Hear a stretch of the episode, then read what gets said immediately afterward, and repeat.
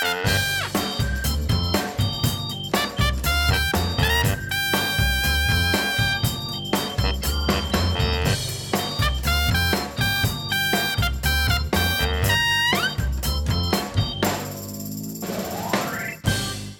CIP-redactie staat op het punt om op vakantie te gaan, maar eerst nog even een podcast over regenboogvlaggen op een kerkplein, D66-Kamerlid Pia Dijkstra, een briefwisseling over homo's en de gereformeerde gemeente. Nou, die past er wel goed in dat rijtje.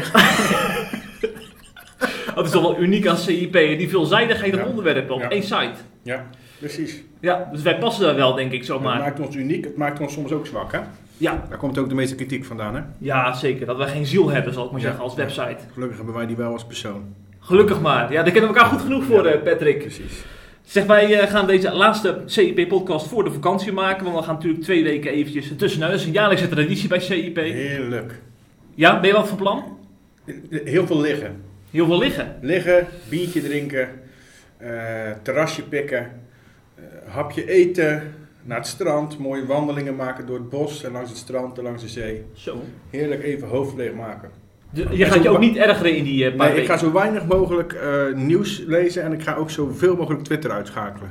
Kan je nu wel zeggen dat het hooguit twee uur gaat lukken, de eerste vakantiedag en dan is het voorbij. Maar ik ga het wel toch weer proberen. Ja. En jij? Ehm, nou, ik ga inderdaad hetzelfde doen. Ik ga mijn telefoon thuis laten. We gaan een Jij- weekje naar ja. Friesland. Jij doet dat ook, jij laat het ook echt thuis, hè? maar dat moet ook van je vrouw. Nou, nee, ik leg het mezelf eigenlijk op. Want ik Ah, weet als ik hem meeneem, dan ga ik toch op Twitter kijken Nee, namelijk. joh, je zit onder de plak. Nou, als, als Oh, ze ze dit- luistert toch ook al? Ze luistert altijd. Oei. Dus nou is de vraag of, ze, of zij ja knikt als ze dit hoort, of dat ze haar hoofd schudt. Ik denk het hoofd schudden, denk je niet. Hallo Eline. Maar voordat wij gaan liggen en gaan chillen in de zon, Ja. gaan we ons eerst nog even ergeren in de rubriek. Precies.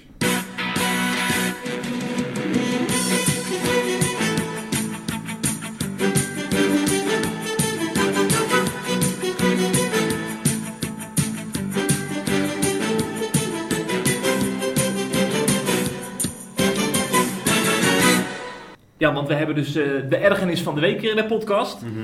Die hebben we vorige week even laten liggen, dus we kunnen nu nog onze slag slaan, eh, zo voor de vakantie. Mijn ergernis gaat over de gereformeerde gemeente. Eh, kandidaat PC Vlot heeft onlangs een beroep aangenomen. Eh, hij is beroepbaar gesteld in eh, deze kerk en kreeg, kreeg 40 beroepen in totaal. Eh, uiteindelijk is hij naar Krabbedijken gegaan. Dat is bij jou in de buurt, hè, in Zeeland, hè? Dat is in het mooie Zeeland. Dat is een hele goede keuze. Ehm, wat ik trouwens natuurlijk mooi nieuws vind voor Krabbedijken, laten we daar, eh, laat dat duidelijk zijn. Maar ik heb het toch wel met wat zorg allemaal gelezen. Eh, de gereformeerde gemeente heeft namelijk in totaal 151 kerkelijke gemeenten, waarvan er 61 een eigen dominee hebben. Dus wanneer er dan iemand eh, kandidaat wordt in, in die kerk en dus beroepbaar wordt gesteld, Ja. dan krijgt zo'n dominee dus echt meer letterlijk 40, 50 beroepen, omdat al die kerken op zoek zijn naar een Ja. dominee. Vrijwel alle vakante gemeenten die in zijn ligging zitten, want je hebt een soort van Mhm. twee liggingen eigenlijk, hè, in de gereformeerde gemeente. Ja. Ja. Maar vrijwel alle gemeenten van die ligging, die gaan, brengen dan instant een beroep uit. Ja, precies. Ja. En er zitten ook kerken bij die al tientallen jaren op zoek zijn naar een dominee. Ja. En nu weer Krabbendijken, die was volgens mij nog niet eens anderhalf jaar vakant. En die hebben nu alweer een eigen predikant. En al die kerken die al tientallen jaren op zoek zijn naar een dominee. Ja. Ja, die, eh, die moeten toch weer verder zoeken. En dan denk ik van, ik vind dat niet helemaal eerlijk. En ik vind het ook heel erg eh, jammer dat het ook niet echt een gespreksonderwerp is in, eh, in bepaalde kringen. Ik, ik denk in de linkerflank van de gereformeerde gemeente dat het nog wel een onderwerp is. Dat zie je ook wel eens bij RevoWeb, dat bijvoorbeeld dominee Vreugdeel daar een vraag over beantwoordt. Maar er zijn ook dominees bij wie het überhaupt niet te sprake mag komen, dat ze dit een te gevoelig onderwerp vinden en zelf willen bepalen hoe het beleid werkt in de gereformeerde gemeente. Maar waar erg je je dan precies aan? Ik erger mij aan het feit dat het eh, nog altijd onvoldoende onderwerp van discussie is. Bijvoorbeeld, de- het Reformatorisch Dagblad is natuurlijk de krant van de gereformeerde gemeente. Ik denk dat heel die kerk de krant Ja, de bus ontvangt. Ja. Eh, dan zou je kunnen denken, laat een kritisch kerklid op, op de opiniepagina nou eens eh, horen hoe hij er over denkt en waarom hij dit een zorgelijke ontwikkeling vindt. André van Putten schrijft af en toe wel eens een blog voor CIP, kerklid in de gereformeerde gemeente in Kampen. Hij vindt het heel jammer dat er zo weinig dominees in de gereformeerde, worden, gereformeerde gemeente worden toegelaten. En Precies, want van, dat, is- dat is dus het punt. Hè? Er Ja. worden gewoon heel weinig dominees toegelaten. Ja, Tot ja. de predikantenopleiding en uiteindelijk, die dus uiteindelijk dominee kunnen worden. Volgens mij hebben vorig jaar eh, zo'n bijna 30 mensen hebben het geprobeerd. Er zijn er drie of vier toegelaten. Ja. Ik denk, laat het dan u in ieder geval eens op de, op de krantenpagina van het RD eens ter sprake komen. En dan kun je als predikant die bijvoorbeeld het beleid bepaalt, kun je er ook weer op reageren en verantwoording afleggen naar je achterban. Maar dat gebeurt eh, nauwelijks. En dat vind, ik, dat vind ik mijn grootste ergernis. Elk jaar komt het ook terug hè, bij, bij nieuwsjes op CIP. En eh, je ziet ook aan de reacties dat, eh, dat mensen ook in die kringen zitten en zich daar ook aan storen. Dat ze bij CIP dan wel de ruimte ervaren om hun ongenoegen te uiten. En het zou voor mij wat breder mogen. En ook dominees zelf, die het beleid bepalen daar, zouden dit ook moeten zien volgens mij. Ja. Want al- het gaat, gaat sowieso een keer, die bom gaat sowieso, sowieso een keer barsten, denk ik. Ja. In jouw mailbox ook nu, denk ik. Snel over naar de volgende.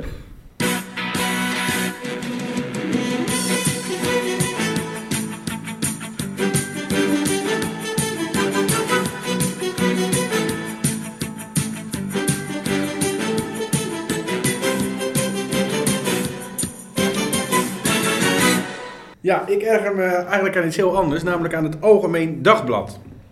Oh, Ehm, die vonden het namelijk weer eens nodig om een rel, rel te creëren in de kerk, in het christendom. Da- daar zijn ze heel goed in daar. Hè? Eh, wat wil nu het geval? Eh, we gaan het zo uitgebreid over hebben. Ik ga het nu alleen even over de rol van het Algemeen Dagblad hebben. ja. Eh dominee Marten Visser, ons wel bekend, staat regelmatig op SIP, hè, die is ook zendeling. Die preekt aanstaande zondag in Gorkum. Eh, hij ondertekende ook de Nesville-verklaring. Wat doet het AD vorige week? Ze maken een groot artikel met als enige nieuwswaarde... Nesville-ondertekenaar preekt in Gorkum. Nou, nou, wat een nieuws, hè, zou ik zeggen. Eh, dus het enige wat ze willen bereiken als medium is een rel creëren. Eh, want verder heeft het publiceren namelijk helemaal geen enkele nut. En dat hebben we vaker eh, met het AD. Ook wij hebben dat wel eens gehad trouwens. Eh, wij ik heb wel eens een artikel gemaakt over een spotprint in eh, een tijdschrift van supermarkt Dirk van den Broek. Eh, toen belden ze ons, eh, of ze mailden ons en ze belden ons. Ze zochten in ieder geval heel dringend contact. Ehm, zogenaamd voor achtergrondinfo. Eh, die gaf ik vervolgens. En wat zag ik tot mijn schrik? Dat ik vervolgens letterlijk gequote werd in het artikel wat ze daarover maakten. Dus ze maakte niet een artikel over wat er bij Dirk van den Broek gebeurde, maar ze maakte een artikel over onze verontwaardiging daarover. Eh, en dat was niet zoals het mij voorschoten Hmm. toen ze me belden, zeg maar. En we hebben het wel vaker gehad met AD, zulke dingetjes. Ik zou zeggen, zoek maar eens ehm, op die website, eh, op de zoekbalk van AD zelf, en tik eens christenen in, of tik eens kerk in, of tik eens dominee in. Dan zie je dat er heel veel eh, artikelen verschijnen waarin eigenlijk, ehm, ja, christenbesje de hoofd, eh, hoofdmoot is. Hm. En dat is bij in dit geval ook weer het geval. Ze wilden gewoon een rel creëren omdat er een eh dominee die de Nashville-verklaring heeft ondertekend gaat preken in Gorkum. Het is ook gelukt, want er komt een demonstratie. Hè? Eh, maar daar gaan we het zo meteen verder over hebben. Mijn ergernis is vooral dat het AD zo'n kwalijke rol speelt als medium. En ik zou niet weten waarom ze dat doen. Hm, duidelijk. Het is weer tijd voor een item over D66. Een partij die naast de christelijke partij volgens mij het meest wordt besproken hier in de podcast. Ja, Dat is ook geen toeval, hè? want vaak gaan natuurlijk hun voorstellen gaan ook over standpunten die bij christenen juist tegen de borst eh, stuiten. ja. En dat is volgens mij ook het geval je zou bij een voorstel. moeten samenwerken dan als christelijke partij. Hè? Dat Goed. zou je kunnen zeggen, ja, als adviseur van de ChristenUnie. D66-Kamerlid Pia Dijkstra was in het nieuws. Eh, dat heb jij uitgebreid gevolgd voor ons, eh, Patrick. Eh, een wetsvoorstel over voltooid leven. Heet Ja. hangijzer in de coalitie. Ja, zeker een heet hangijzer. En dat is al, speelt al een hele lange tijd. Hè? We hebben een hele poos terug al, eh, heeft Pia Dijkstra gezegd dat ze eh, een nieuwe wet in gaat dienen over voltooid leven inderdaad. En in die wet gaat er eigenlijk om dat ouderen ehm, die hun leven als voltooid zien, ehm, voortaan kunnen zeggen: Het is mooi geweest, ik wil op een aanhalingstekens menswaardig, menswaardige manier een einde aan mijn bestaan maken. Eh, los van het feit, of het feit, los van mijn mening dat dat helemaal niet zo menswaardig is, want doodgaan is überhaupt niet menswaardig, lijkt me.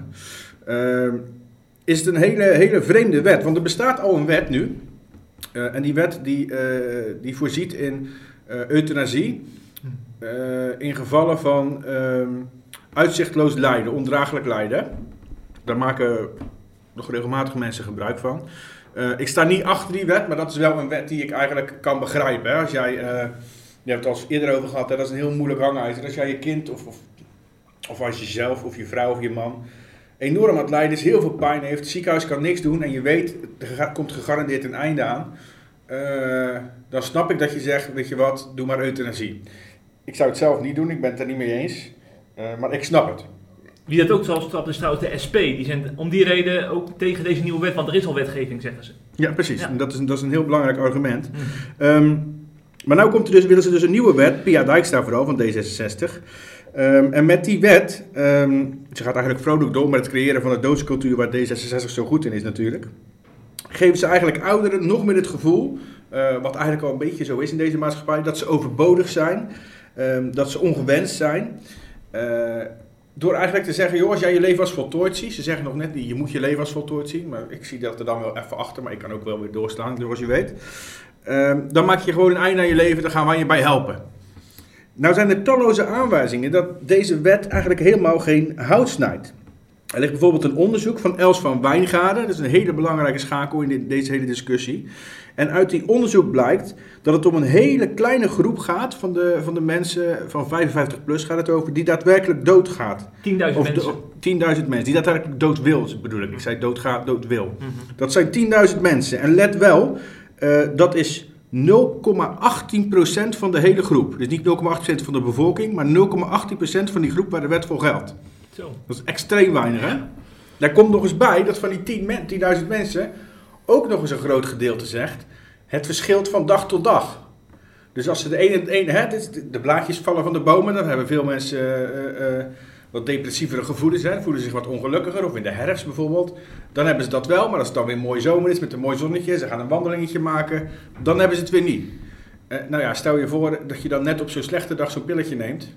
Of eh, voor euthanasie kiest. Ja, ja, je voelt hem al aan natuurlijk. En dat is, dat is bizar. Ik heb het vijf jaar geleden ook wel eens gehad. Dat ik zo'n dag had, denk van nou, eh, laat deze dag maar snel voorbij gaan. Nou, precies. Ja. precies. Maar D66 dus, als je dat hebt, dan moet je kunnen zeggen, ik wil dood. Ehm, in het onderzoek van Els van Wijnga- Wijngaarden komt bovendien heel helder naar voren... dat eh, ouderen doodswens vaak, een doodswens vaak verwarren met niet tevreden zijn over het huidige leven. Eh, dus dus hè, ze zijn bijvoorbeeld eenzaam, ze voelen zich alleen, ze voelen zich overbodig, ze denken ik heb geen nut meer. En dat kan verward worden met een doodswens. Hè? Want als het leven dan weer leuker wordt, eh, dan hebben ze die doodswens ineens niet meer. En dat kwam in dat onderzoek heel helder naar voren. Overigens vind ik dat wij als christenen, juist als christenen, daar een hele grote verantwoordelijkheid in hebben. Ehm, ten in de eerste plaats gewoon je eigen opa's, oma's, tantes, buurvrouwen, mensen uit je kerk te bezoeken. Maar doe dat ook eens bij de buurvrouw van je oma. Als je oma in een bejaardentehuis zit, ga ook eens bij de buurvrouw een bloemetje brengen. Die, waarvan je weet, waarvan je van je oma hoort dat ze vaak alleen zit. Of nodig de buurvrouw uit om erbij te komen zitten. Ik vind dat we juist als christenen daar heel erg het verschil in kunnen maken bij oudere mensen. Ehm, dus doe dat vooral. Wat er nog bij komt, is dat meer dan 80% van alle artsen in Nederland tegen deze nieuwe wet zijn. Zo. Verschillende vakorganisaties binnen de medische wereld tegen de wet. Maar mevrouw Pia, mevrouw Dijkstra trekt zich daar natuurlijk helemaal niks van aan. En ze dient juist in deze tijd, let op, het is net corona geweest, ouderen hebben het extra zwaar gehad, zijn het zwaarst getroffen. Eh, de meeste eh, eh, overledenen, de meeste slachtoffers zijn ouderen. Ze hebben veel mensen om zich heen weg zien vallen. Ze zijn opgestoten geweest in bejaardentehuizen, alleen geweest, eenzaamheid geweest. En dan juist nu komt deze mevrouw met deze wet van, joh, als je nou toch zo eenzaam bent, als je, als je denkt het is wel goed zo het leven, dan gaan wij je helpen om er een eind aan te maken. Ik vind het echt, echt, echt heel walgelijk. Ik kan er ook heel boos om worden, zoals je merkt. Nu heeft ze eerder, eh, deze mevrouw Daaks, heeft ze gediscussieerd bij Nieuwsuur met Carla Dick Faber, Tweede Kamerlid namens de ChristenUnie. Ehm, en toen bleek, we hebben het net over 10.000 mensen, eh 0,18 procent dus, hè, maar toen bleek dat, die, dat dat aantal eigenlijk nog veel lager is in de wet. Daar gaan we nu naar luisteren. Eh, dit onderzoek is uitgevoerd onder 55-plussers. Mm. Het wetsvoorstel waar ik mee bezig ben, dat heeft een leeftijdsgrens van 75. Ja. Wat opvalt Ja. aan dit onderzoek is dat driekwart van de mensen die zegt dood te willen, tussen de 55 en de 75 is. Dus dat Ja. is maar een hele kleine groep 75-plussers. Nou, als je goed naar de cijfers kijkt, zie je dat ook de groep eh, tussen 70 en 85, of, eh, ja, eigenlijk 70 Ja, en dan 85 gaat het maar om een en paar ouder. honderd mensen. Dus. Maar daar, ja, maar, een, maar om een paar honderd mensen. Het zijn mensen die eh, een wens hebben om hun leven op een door henzelf uitgekozen moment, eh, eh, om hen moverende redenen te willen beëindigen. Nou, dat zijn dus slechts honderden mensen, Jeffrey. En als je daarvoor een wet moet gaan eh, instellen en dan zegt ze zelf nog... Ja, er zijn wetten voor minder ingesteld. Nou, ik, het, is, het is echt het is belachelijk. Ja. Zo reageerde trouwens volgens mij ook de christelijke partij, als ik het goed heb gezien. Hè? Ja, je noemde net al het woord ChristenUnie. En Ja. daar is uh, Gert-Jan Segers natuurlijk de voorman eh, van in de Tweede Kamer. Eh, hij had het ook, je zei net al, coronatijd hè. Veel mensen eenzaam geweest. Daar verwees hij ook nog naar in een tweet, Gert-Jan Segers. Hij zei, als corona ons iets duidelijk heeft gemaakt, dan is het wel dat echte aandacht en goede zorg het verschil maken in een mensenleven. Ik vind het buitengewoon pijnlijk dat in een tijd waarin ouderen zich extra kwetsbaar voelen, D66 een voorstel indient waarvan we weten dat het bij veel ouderen tot grotere onzekerheid en angst leidt. Nou, je zou zeggen een hele sterke reactie eh, van Segers.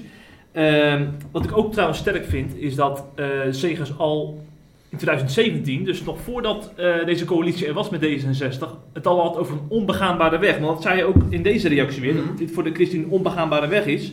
Dat is echt geen eendagsvliegreactie, zeg maar. Dat is al iets wat hij al jaren roept. Het lijkt erop of hij er een breekpunt van wil maken. Hij heeft ook een breekpunt letterlijk genoemd. ja. Want voor, als, als, hij, eh, als dit punt zeg maar, was gevallen in de on- on- onderhandelingen met Pechtold, toen nog D66-leider, Mhm. daar was hij er ook niet aan begonnen, heeft hij heel Nee. vaak eh, geroepen. Precies. Eh, trouwens, nu we daar toch over hebben, goed om ons geheugen even op te frissen, denk ik. Ehm, in het voorjaar van 2017, ik kan me nog goed herinneren, zag je heel vaak Pechtold en Segers bij de camera's van de NOS eh, voorbij komen. En dat, dat ze zeg maar, in de achterkamertjes een eh, onderhandelingsgesprek hadden gevoerd. Hè? En ik zag dan altijd dat verbeten gezicht van Pechtold, want Ja. hij kon Segers wel wat aandoen. Want Ja. hij had volgens mij stiekem verwacht dat de ChristenUnie wel makkelijk door de knieën zou gaan in die Ja. onderhandelingen. Maar Segers hield voortdurend voet bij stuk. En ja, dat, dat, hoofd van Pecht zag je alleen maar roder en roder worden ook eh, op den duur. Dan ging hij daarna even stoom afblazen in Zwolle. was het niet in Meppel? nee, in Meppel. Zwolle, laten we het daarop houden. maar eh, wat ik dus knap vind aan Segers is dat hij voet bij stuk heeft gehouden en zich niet liet gek maken door eh Ja. Die ook elke keer zei van, dan gaan we toch dadelijk met links regeren, met PvdA en met SP of zo. Absoluut. Liet zich niet gek maken. Absoluut. Ehm, en uiteindelijk hebben ze ook afgesproken dat er eh, op dit punt geen wetgeving zou komen. Hè? Dus wat voltooid leven, eh, dat, eh, dat punt van Pia Dijkstra niet in het regeerakkoord zou komen. Wel hebben ze afgesproken dat er een extra onderzoek zou komen. Dat is volgens mij het onderzoek waar je dus net naar verwees van Els van Dat is het Wijngaarden. Dat onderzoek van Els van hebben ze toen afgesproken. En dat onderzoek is dus tegen D66, dat, dat is eigenlijk tegen het CRB van D66 en dan leggen ze het dus naast zich neer. Hè?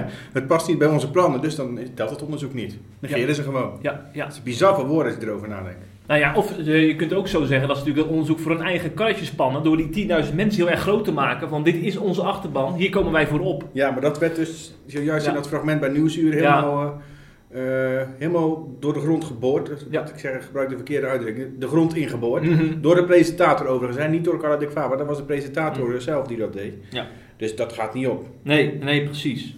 Ehm, dus dit is, dit is- dit is echt een eh, heet hangijzer waar we nu over hebben. Waar de, ook de coalitie echt. eh, de toekomst van de coalitie van afhangt volgens mij. Ja. Trouwens, over de toekomst gesproken, die is Ja. natuurlijk zo voorbij. Ja, daarom doen ze het misschien ook nu. Hè. Het kan richting de verkiezing. Misschien is het wel een verkiezingsstunt. Ja. Ze willen het wel echt, maar dit willen ze zich even eh, onderscheiden van dit is D66. Hè. Mhm. Op dat soort punten proberen ze zich natuurlijk vaak te onderscheiden. Maar het is ook wel interessant. Toch eh, weer 0,18% stemmen extra.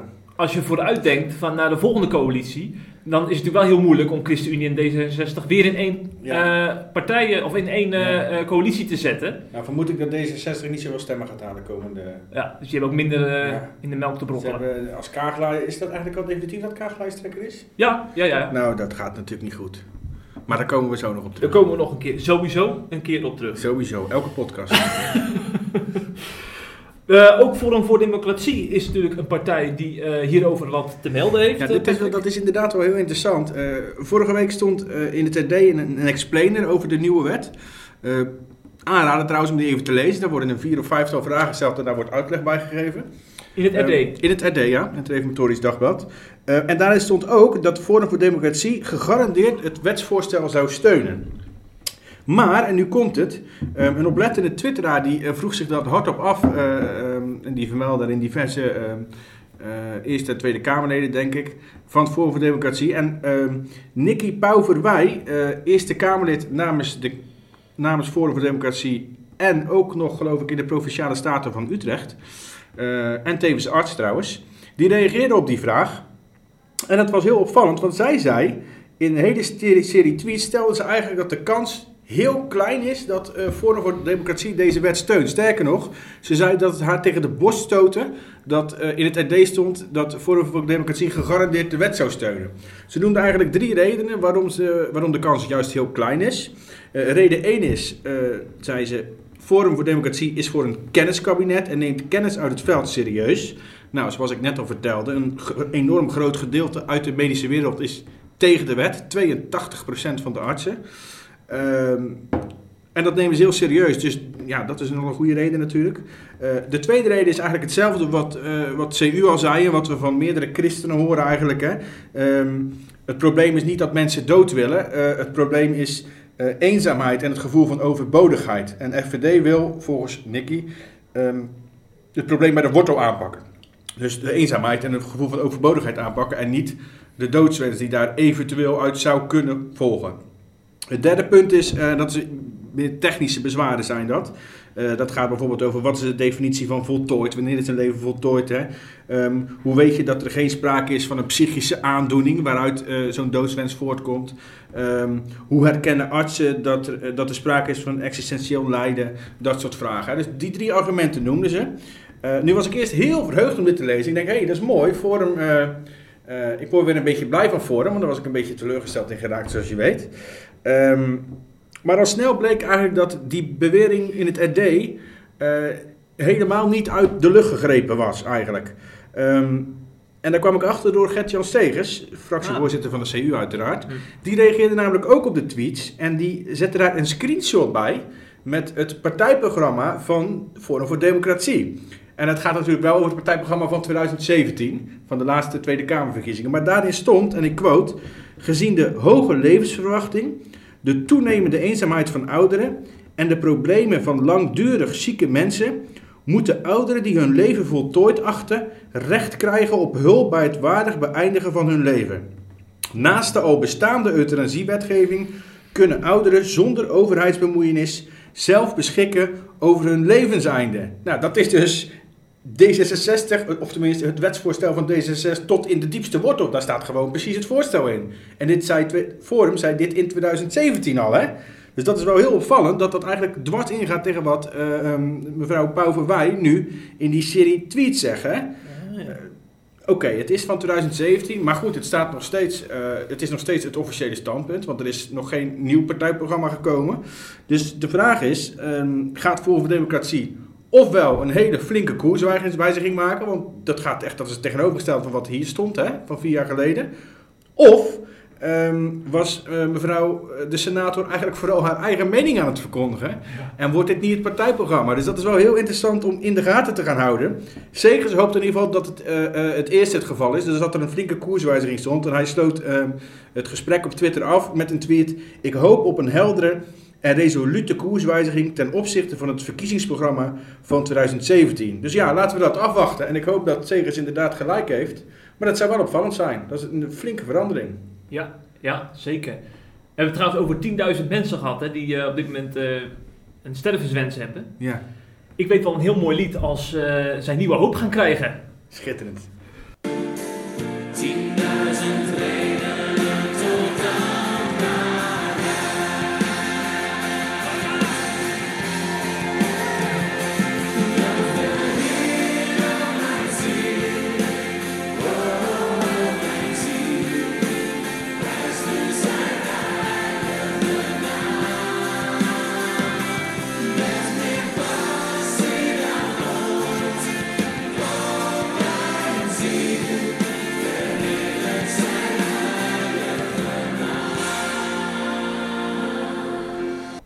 Vind ik een prachtige afsluiting van dit onderwerp, Jeff. Ja? Ja, Nou, dat is heel mooi. Dan gaan we mooi door naar een nieuw onderwerp. precies. En dat gaat over aanstaande zondag. Eh, wie eh zin heeft in wat reuring, die zou aanstaande zondag naar het Gorkum moeten gaan. En Ja. dan, dan op het kerkplein bij de Grote Kerk. Daar gaat wat gebeuren. Ja, Eh, als het goed is, een aantal tientallen demonstranten gaan daar staan met regenboogvlaggen. Omdat dus, zoals je al net al zei bij je ergernis, Martin Visser daar gaat preken. Een van de vele dominees die de National-verklaring ondersteunt. Ehm, en initiatiefnemer van die demonstratie is Paulus van Zee. Dat is een eh, voormalig kerkelijk werker. Heeft ook bij het leger zelf sociaal werk eh, gedaan. En kerkelijk betrokken ook in Gorkum. En hij eh, vindt het nat dan dat deze man letterlijk een podium krijgt in de Grote Kerk in Gorkum. En vandaar die demonstratie. Stop homofobie staat op de Facebook-event. Misschien goed om eerst even ons geheugen op te frissen voordat we op deze Paulus van Zeven erin gaan en zijn uh, plannen. Uh, want die Nashville-verklaring, ja, inmiddels is het natuurlijk wel echt een begrip bij in Nederland.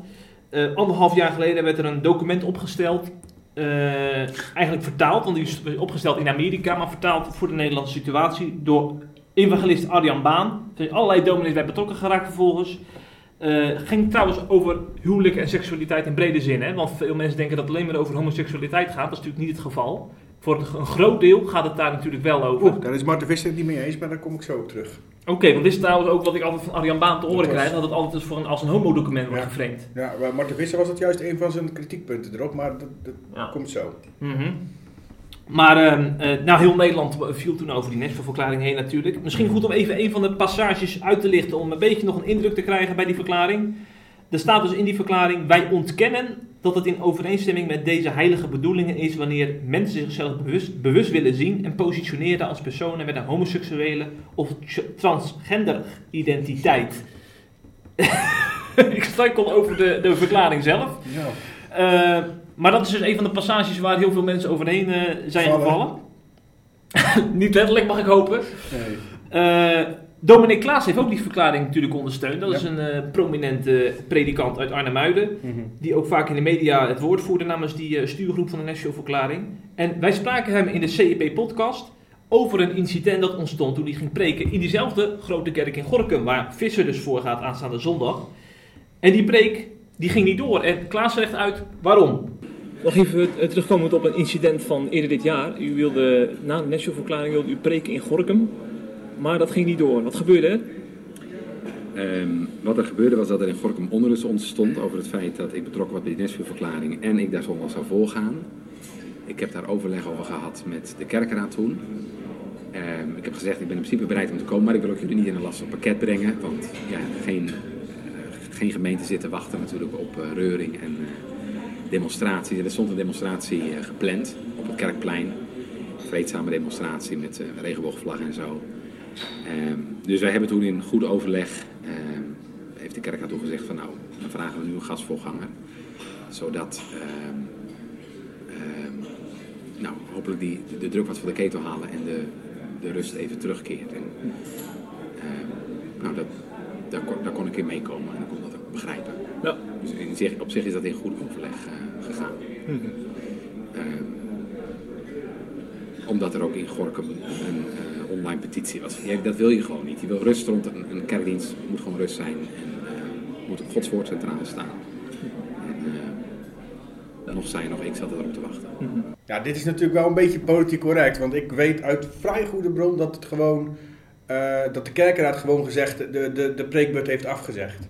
Mm-hmm. En dat, uh, dat dus niet, dat het dus Klaas niet, niet in goed overleg is geweest. Dan zullen ze dat natuurlijk niet gezegd hebben, je mag niet komen. Maar het was wel het vrij dringende verzoek om niet ja. te komen preken, zeg maar. Ja, precies. Nou ja, uiteindelijk is het dus een gastpredikant gekomen. En uh, Klaas heb ik toen nog eventjes uh, over dit incident ook gebeld, uh, anderhalf jaar geleden. En hij zei dat Nederland als tolerante natie flink door de mand is gevallen. Je, je, merkte ook aan die toonzetting toen dat het nogal echt een emotioneel debat was toen. Hè? Anderhalf ja. jaar later merk je dat mensen op een hele andere manier over de National Verklaring praten. Ja. ook Klaas was toen best wel emotioneel en behoorlijk uh, geschrokken. Ook natuurlijk omdat hij via de telefoon zelfs bedreigingen kreeg van mensen die hem dan gingen bellen. Omdat hij bij Nieuwsje was geweest om die verklaring toe te lichten bijvoorbeeld. Niet echt... zo intolerant als de tolerante.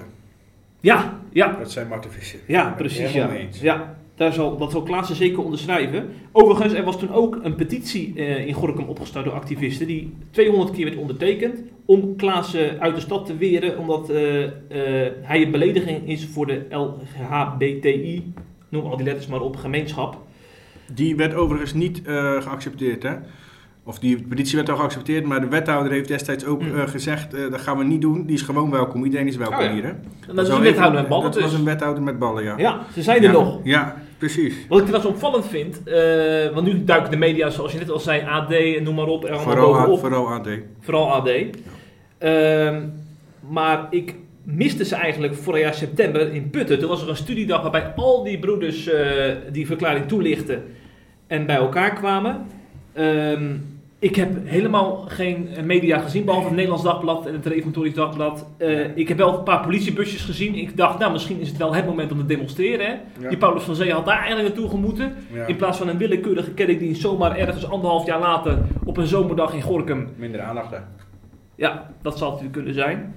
Maar dat vind ik eigenlijk wel opvallend, dat, dat daar toen echt geen kip was. Terwijl dat, dat juist echt eh, het moment was waarbij die verklaring zeg maar, werd besproken door alle hoofdrolspelers. Dus Ja. eh vond ik wel ik- opvallend. Ik blijf me nu ook afvragen of, of Paulus van Zee iets had georganiseerd als... Ja, hij, hij komt zelf uit Gorkum hè. Ja, Dus ik weet niet of het nou direct naar aanleiding van het AD is. Eh, maar ik denk zeker dat het een rol heeft gespeeld in, in het verder opstoken of het groot worden van, van zo'n Mhm. demonstratie. Al moeten we nog even afwachten hoe groot het daadwerkelijk wordt. Hè? Mhm. Ik heb trouwens eh, die dominee zelf gesproken, Martin Visser. Ik heb hem een paar vragen gesteld over, eh, eh, hè, over de hele situatie. Ik moet zeggen dat hij, dat hij vrij, vrij laconiek reageerde. Hij vertelde dat hij gaat proberen om iets vroeger naar de, naar de dienst te komen, naar de kerk te komen. Om het gesprek aan te gaan. Wat ik ook zo mooi vond ook, hij, ik vroeg hem... ehm, vind je het niet wrang dat het juist mede-christenen zijn die hier komen demonstreren? En toen zei hij, nou eigenlijk juist niet. Dat is beter dan wanneer niet-christenen zich met de kerk gaan bemoeien. Ah, Dat vond ik wel een, een opvallende uitspraak. ja, dat gaat over jouw ergernis van vorige week. Dat, dat niet christenen zich over die ChristenUnie-motie druk maakten. En dan over ineens, ineens is Je- en Jezus voor hun, kar, voor een politieke karretje gaan staan. Ja. Precies, precies. Dus dat vond ik wel mooi. Ehm, wat me het meeste opviel als reactie is dat hij achteraf toch wel op bepaalde punten, en daar begon ik net al eventjes over, eh, kritisch is op de Nashville-verklaring. Althans, hij staat nog steeds achter de inhoud, benadrukt hij. Maar hij noemde wel twee ongelukkige punten. En dat is, ten eerste had het volgens hem breder getrokken moeten worden. En dan, ik quote hem, zegt hij... De christelijke visie op relaties en seksualiteit vraagt namelijk ook aan de 97% heteroseksuele zelfbeheersing en zelfverloochening. Ook bij hen, en daar sluit ik mezelf bij in, is er sprake van zonde en de noodzaak van vergeving. En het tweede punt wat hij noemde, wat achteraf eh, ongelukkig was, eh, en ik quote weer, door de bewoordingen in de Nashville-verklaring werd de suggestie gewekt dat niet alleen homoseksuele relaties niet naar Gods bedoeling zijn, maar dat je jezelf ook geen homoseksueel mag noemen. Dat was heel ongelukkig, einde citaat. Nou, ik vind dat twee hele goede punten. Jij zei net, de Nashville-verklaring is was wel breder getrokken. Ja, dat is tenminste het punt dat Arjan Baan altijd maakt Ja, in interviews. Dan heeft hij hem of niet, heb een van de twee niet goed gelezen. Ja, nou ja, ik, ehm, eh, volgens mij eh, heeft Martin Visser inhoudelijk wel gelijk. Want ik heb nog eventjes net eh, teruggelezen, die hele verklaring. Het gaat best wel vaak over transgenders en over Mhm. homo's. Maar, zeg Terwijl- maar terwijl ze hebben be- bedoeld hebben om het als een, eh, zeg maar, om de bijbelse principes van het huwelijk en seksualiteit in het algemeen duidelijk te maken. Ja, en 97% van de, van de bevolking is eh, heteroseksueel. Zeg maar Ja. de Visser net, dat weet ik niet hoor, of dat klopt. Ik heb niet geverifieerd. Hm. Ik vind het overigens wel een heel goed punt ook hoor. Vooral het eerste punt waar ik net over heb, dat het veel breder getrokken mag Ja. worden. En ik vind dat ook sowieso een heel belangrijk punt, eh, niet alleen in die Nashville-verklaring zelf, maar ook in de kerk en in de hele christendom als we over homoseksualiteit bijvoorbeeld praten. Wat natuurlijk een heet hangijzer is. Ik zou zeggen, stop vooral met het makkelijk oordelen over homoseksuelen en kijk eens naar jezelf als heteroseksueel. Alsof wij als hetero's zo seksueel volmaakt zijn, hè? En niet eh, tal van zonden begaan op seksueel gebied. Ik bedoel, ik, ik hou Jezus maar even aan. Die zei, wie een vrouw aanziet om te begeren, die heeft al overspel gepleegd. Nou, ik zou zeggen, pak nou als hetero die eerste steen maar om naar een homo te gooien. Ik durf niet. Nee, nee, nee. Ben benieuwd of Paulus van Zee eh, met stenen zou gooien als Martin Visser dadelijk op het kerkplein loopt. Hij zegt in ieder geval van niet, hij gaat de weg niet blokkeren. Maar hij was wel behoorlijk fanatiek in dat gesprek. Dus ik kreeg er wel bijna dat soort eh, gevoelens bij. Ja, ik zag ook wel heel erg eh, dat hij elke keer als jij vroeg, Marten Visser zei dit, of Arjen Baan zei dat, of die zei dat, zei hij ook, ja maar in de lesverklaring staat dat. Elke keer. Ja, een beetje ontwijkend hè. Ja, ja. Ja, dat viel me ook op. Ik heb dus die Paulus van Zee inderdaad gesproken gisteren.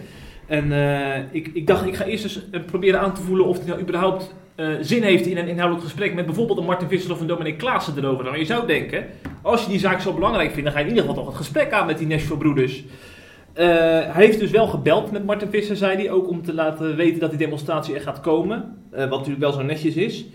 Maar daar zei hij ook gelijk bij. Ik belde niet voor een inhoudelijk gesprek, maar ik belde om dat mede te delen. Ja. En om te proeven of hij nog achter die verklaring staat, überhaupt. Dat voelt toch een beetje als. Als je nou van tevoren al zegt dat je niet voor een inhoudelijk gesprek komt. Waarom ga je daar dan staan dan?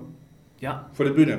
Ja, dat, dat- die, indruk krijg ik erbij. Nou, bravo. En dan zegt hij er ook nog bij dat, Gor- dat Gorkum TV ook nog komt. Applaus. Dus dan weet je Ja, al die je registreert, het, die registreert het gesprek. Ja, Krijgen we dat weer. En dan gaan ze het proberen zo te framen dat eh, die dominee... Ik zou, eh, als ik dit heb gelezen en gehoord, dan zou ik als Martevisten niet eerder naar de kerk komen. Hm. Ik zou- Ik zou ze niet de gelegenheid geven om jou te gebruiken voor hun propaganda, want Nee. dat is het. En als je het doet, doe het dan misschien twee weken later in, Ja. eh, in een, eh, tussen vier muren, zeg maar. Precies. Eh, Paulus van Zee zei het zelf, ik, quote hem even letterlijk, als volgt. Met ondertekenaars van de National-verklaring kun je vanwege de geslotenheid van de verklaring geen inhoudelijk gesprek voeren. En dat vind ik echt wonderlijk, want wij als CIP, wij kennen die, die Nashville mensen heel goed. We hebben Dominic Klaassen uitgebreid gesproken, Arjan Baan, Dr. De Vries.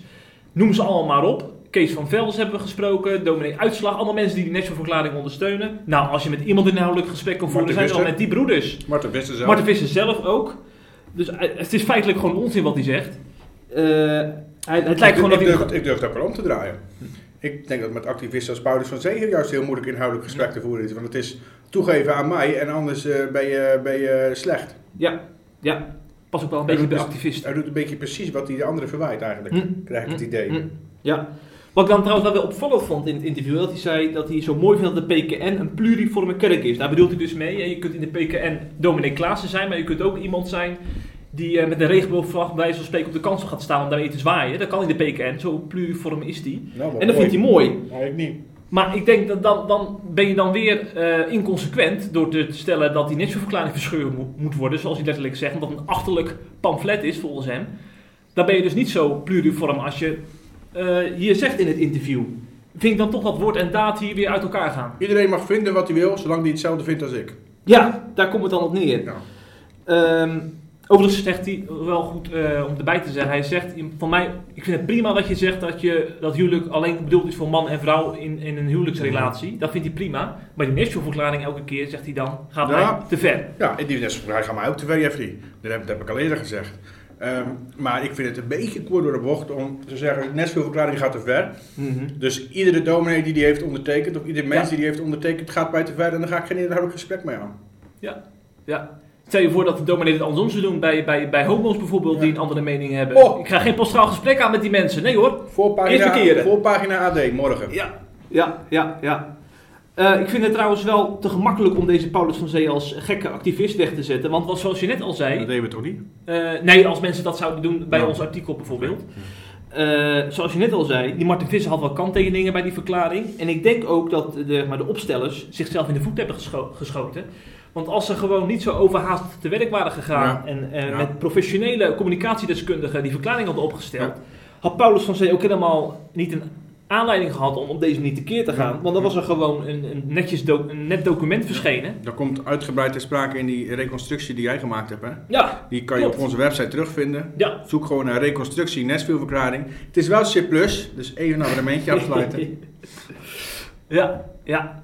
Nee, dat is waar. Daar heb ik het ook uitgebreid eh, eh, aan de orde gebracht. Hoe... met, met de hoofdrolspelers. Ja, zeker.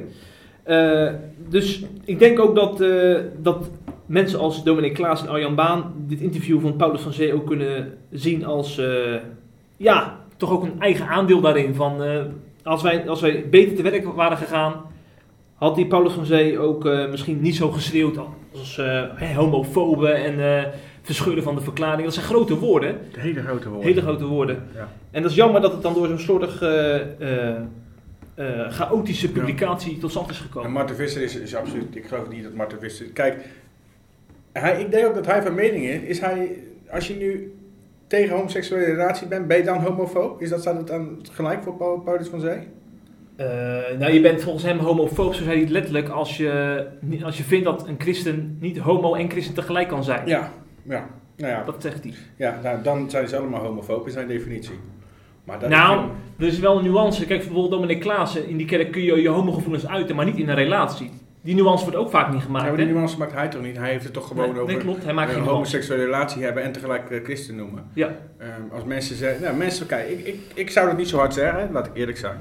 Ik zou niet zo hard zeggen, je kan geen christen zijn als je een homoseksuele relatie hebt. Eh, daar heb ik al eerder over gehad, wie, wie ben ik om te oordelen. Eh, en het is veel minder duidelijk in de Bijbel als eh, dan het vaak voor wordt gesteld hoor, dit, dit, dit onderwerp. Ehm, ik zeg trouwens ook niet per definitie het andere hoor, laat dat even duidelijk zijn. Dat het allemaal prima is, ik weet het gewoon niet. Ik heb er niet heel veel in verdiept ook, omdat ik er niet direct mee te maken heb, gelukkig. Ehm, maar ik vind het wel, ja, om het nou gelijk zo te stellen, je, je kan geen christen zijn als je een homoseksuele relatie hebt. Ja. Ja. Kan je ook geen christen zijn als je wel eens ligt? Mag je dan ook geen christen noemen? Dan komen we bij Matthijs Vlaardingenbroek. Die, er wordt gedaan alsof seksuele zonde, en dan homoseksualiteit in het bijzonder, alsof dat de grootste zonde is. Eh, maar het wordt twee, drie keer in de Bijbel genoemd. Mhm. Ik zie veel vaker eh, eh, dat de Bijbel het over hoogmoed heeft, of over rijkdom, of over egoïsme. Eh, weet je wel, die zonden worden veel vaker genoemd. En dat zijn ook zonden waar we allemaal elke dag mee te maken hebben hoor. Hm. En dat hoor ik dan veel minder. Ik vind dat blijft het altijd op, een opvallend verschijnsel vinden. Ja, ja, zeker, zeker. Wat trouwens ook een opvallend verschijnsel is, dat is de briefwisseling tussen John Lapree en Willem Ouweneel. Ja, Want eh, eh, John Lapree die kennen we natuurlijk inmiddels goed, hebben we ook vaak in de podcast besproken. ja we de Mauro niet. Kennen we niet. Nee. Dus misschien sinds hij geen columnist van SIP meer is. Die Ja, kennen we niet meer, hè? nee. Nou, maar trouwens, eh, Willem Ouweneel, die is... Nou, ik, zag, ik zat bij de top 7 SIP Plus berichten te kijken van het best gelezen artikelen van de maand. Daar staat Willem Ouweneel drie keer op met zijn, Ja, met zijn, ja. eh, met zijn harsjes. Dat is hartjes ook. ja, die is niet te missen. Nee. Ik dacht zeven keer. Zeven keer, Ja. Alleen maar Ouweneel, Ouweneel, Ouweneel. Ja. Ja. Dat heeft dus te maken met die briefwisseling met John Lapree, hè. Eh, die, die is eh, gestart. John Lapree is dus zo'n eh, negen jaar geleden uit de kast gekomen. Eh, heeft ook een homorelatie. Veel christenen zijn het daar niet mee eens. Ehm, Willem Ouweneel theologisch ook niet. En dan is het juist mooi, omdat in een briefwisseling is te zien, hè, hoe ze argumenten uitwisselen. Ja. En dat gaat op een hele mooie manier. Ja, vond ik ook. Eh, inmiddels zijn er eh, drie, nee, inmiddels zijn er vijf brieven verschenen op Mhm. CIP. En ehm, ik zie ook bij de reacties vaak wordt er dan eh, met bijbelteksten gesmeten en wordt er heel veel eh, ruzie gemaakt over, over dit thema. En nu zie ik ook reacties van mensen die zeggen van wat een mooi inhoudelijk gesprek tussen Oude en Lapré. Laat dit vaker gebeuren. Van hart tot hart. Van hart tot hart, ja. ja, precies. Eh, ik denk ook dat wij, eerlijk gezegd, ik wil natuurlijk niet onszelf op de borst kloppen, maar ik denk wel dat wij als CIP een mooie vorm hebben gevonden om dit soort hete hangijzers te bespreken. Dus met een voor- en tegenstander. Ja, Dan krijg je ook niet het eh, verwijt dat je maar één geluid aan het woord laat. ja en dat we vaak eigen gebeurt. conclusies erin verwerken. Ja, Of dat we het sturen. dus ik zal een beetje hard op na te denken. Dadelijk is de vrouwendiscussie weer actueel. Als in de christelijk gereformeerde kerken de synode is, wel of geen vrouw eh, op, op, op de kansel of in het ambt. Dan zou bijvoorbeeld een dominee Uitslag uit Urk, die fanatiek tegenstander is, graag eens aan het woord willen zien met eh Johan Boertjens. Of die Almatine. voor is. Of nee, dan kan je beter Almatine Lena of zo doen. Lenen. Een Die vrouw, ja. Dan moet je een vrouw. Ja, dan moet je een vrouw. Ja, ja, ja. Want dan krijg je veel meer van hart tot hart, hè? Maar idee- we zijn intussen redactievergadering gehouden, dus dat is niet de bedoeling hier. Maar ik wil dit graag als tip meegeven aan de CIP Aan jezelf. Aan de CIP lezer die de briefwisseling nog niet hebben gezien. Oh zo, ik snap het. Ja. Eh, wat trouwens ook nog goed is om eh, te lezen, is natuurlijk eh, het nieuws over Sigrid Kaag. Ja, mevrouwtje Kaag. Die komt regelmatig langs in de podcast, zoals je zei, hè? Ehm, ja, vandaag, vandaag of gisteren kwam naar buiten dat Nederland ehm, eh, 12 miljoen euro op jaarbasis eh, geeft aan eh, Palestina, aan een organisatie in Palestina. Eh, mevrouw Kaag regelt dat natuurlijk als minister. Ehm, nou wordt er al best lang geroepen, Sidi roept dat al best lang. Ik- Centrum Informatie en Documentatie Israël. Voilà, ik wist het niet, dus ik denk hij zegt vanzelf wel de, de volledige naam. Eh, ik heb het ook al een paar keer genoemd in de podcast. Wat gebeurt er eigenlijk met dat geld? Hè? Want er zijn heel veel terroristische, meerdere terroristische organisaties in Palestina. Er gebeuren dingen die je daglicht niet kunnen verdragen. Mevrouw Kaag de Man is daar soms ook bij betrokken geweest in het verleden. Ehm, en nu is er inderdaad naar buiten gekomen dat eh, van die 12 miljoen zijn nu aantoonbaar twee Palestijnse terroristen betaald. Ze ontvingen rechtstreeks salaris van de organisatie waar Kaag geld aan geeft. En bovendien legitimeerden ze zich in, die, in dat gebied daar in Palestina en Israël met pasjes als medewerkers van de partnerorganisatie van de Nederlandse vertegenwoordiging. Dus ik zou zeggen bloed aan de handen van Nederland, want de twee die twee mannen die worden verdacht van een hele laffe bomaanslag op een Israëlische familie. Waarbij het 17-jarige meisje Rina Shenerp veel te jong om het leven is gekomen. Eh, en daar zijn wij dus indirect verantwoordelijk voor. Omdat wij, vind ik echt, dat meen ik echt. Eh Kaag heeft het zelf inmiddels toegegeven, maar vorige week ontstond er al een beetje onduidelijk uit. Er zijn de Kamervragen gesteld door PVV, eh, CU en SGP. Altijd dezelfde uiteraard. Ehm, En ze heeft inmiddels zelf toegegeven dat het inderdaad het geval is. Ze zegt nu dat het verder onderzocht wordt hoe alles precies zit en hoe, hoe het nou kan dat, dat, dat die betaling van Nederland, het belastinggeld van ons, naar twee terroristen is gegaan uiteindelijk. Ehm, en ze is ook, eh, dat was net iets eerder al, gestopt met de betaling aan die bewuste organisatie. Maar dat is vooral door de ophef die is ontstaan, want ik vermoed dat Kaag dit al langer wist, want in 2019 werden ze gearresteerd, deze twee terroristen. Eh, of verdachten van terrorisme, ze zijn nog steeds niet veroordeeld, maar dat staat zo goed als zeker vast, geloof me maar. In 2019 werden ze gearresteerd. En op dat moment stopte de UAWC, ik ga de dingen niet noemen, want het is Engels en dat kan ik niet, ehm, stopte met hun salaris betalen. Dus die hadden gelijk door, oei, wij betalen daar salaris aan. En dat is het, de UAWC is die organisatie waar elkaar geld aan geeft. Hè? Dus dan is het wel vrij Maar ze heeft ze indirect geld gegeven, dus ze wisten er misschien niet van. ja, dat, vind, nou, dat lijkt me sterk. Want ze is heel goed op de hoogte van hoe alles gebeurt daar. Bovendien, op het moment dat die twee gearresteerd werden, eh, wist de UABC heel snel, oei, dat is, die die betalen wij salaris, daar stoppen we snel mee. Het lijkt me sterk dat Kaag het op dat moment dan niet wist. Ja. Ehm, maar toch eh, is het belastinggeld, eh, zijn we de belastinggeld heen blijven pompen. Dat is pas nu recent gestopt. Eh, en pas nu komt het eigenlijk naar buiten, dus na bijna een jaar. Hè? Dat is heel laat. Ja, ik ben benieuwd wat dat voor haar positie betekent. Maar ja, we zijn Nederland, hè. Er zijn ook belangrijkere zaken. Zoals etiket op een fles wijn, van die uit Israël komt bijvoorbeeld. Ja, wat voor dus opvalt, je hebt dus onder andere gelezen in de Telegraaf en bij de Post Online. Ja. Maar bij wel meer links geori- georiënteerde media zag je dit niet? Wel een beetje hoor, wel een beetje, maar minder prominent eh, Ja. dan, dan daar, ja. Ja, dat valt wel Dat is, maar dat is natuurlijk de andere kant, is dat precies hetzelfde. Hè? Ja. Als Geert Wilders een misstap begaat, dan zie je na het TPO valt wel mee, de Post Online. Hm. Maar als, als, als, dan zie je het ook minder in de Telegraaf bijvoorbeeld. Hm. Dus dat is wel alle kanten op. Maar het, het gaat maar er vooral om dat deze twee mensen zijn in 2019 gearresteerd. Toen is die organisatie gestopt met hun salaris uitbetalen. Ze wisten dus op dat moment, oei, we hebben salaris uitbetaald aan mensen, aan terroristen. En Kaag geeft rechtstreeks geld aan die organisatie. Dus het lijkt me echt heel sterk dat Kaag daar niet van op de hoogte van was. En toch we- werd er doorbetaald en is pas nu er ophef ontstaan, is de geldkraan dichtgedraaid. Dus ja, dat, dat, ik mag toch hopen dat het iets gaat betekenen voor haar positie. Ja. Het zou enorm goed nieuws zijn natuurlijk. Hm. En ik hoop dat het D66 heel veel stemmen gaat kosten. Dan kunnen we gelijk alle onderwerpen uit de podcast grappen van vandaag. Want dan komt die wet er niet. En dan is het klaar met eh Palestijntje sponsoren en Israël bashen. Nou ja, eh, ik zou je Worden niet... er Ik misschien zou, een heel hoop kinderen gered in ik Nederland. zou niet te vroeg juichen, want dan gaan die stemmen gaan naar de Partij van de Arbeid. En die is natuurlijk ook voor de voltooid levenwet. Zou D66 stemmen naar de Partij van de Arbeid gaan, ja? Ik denk dat dat wel een alternatief zou zijn, als ze dan toch gaan. Vraag ik me af. Wat, wat is dan volgens Is jou het Partij van de? Arbeid voor de voltooide levenwet? Ja, dat vraag ik me ook af hoor.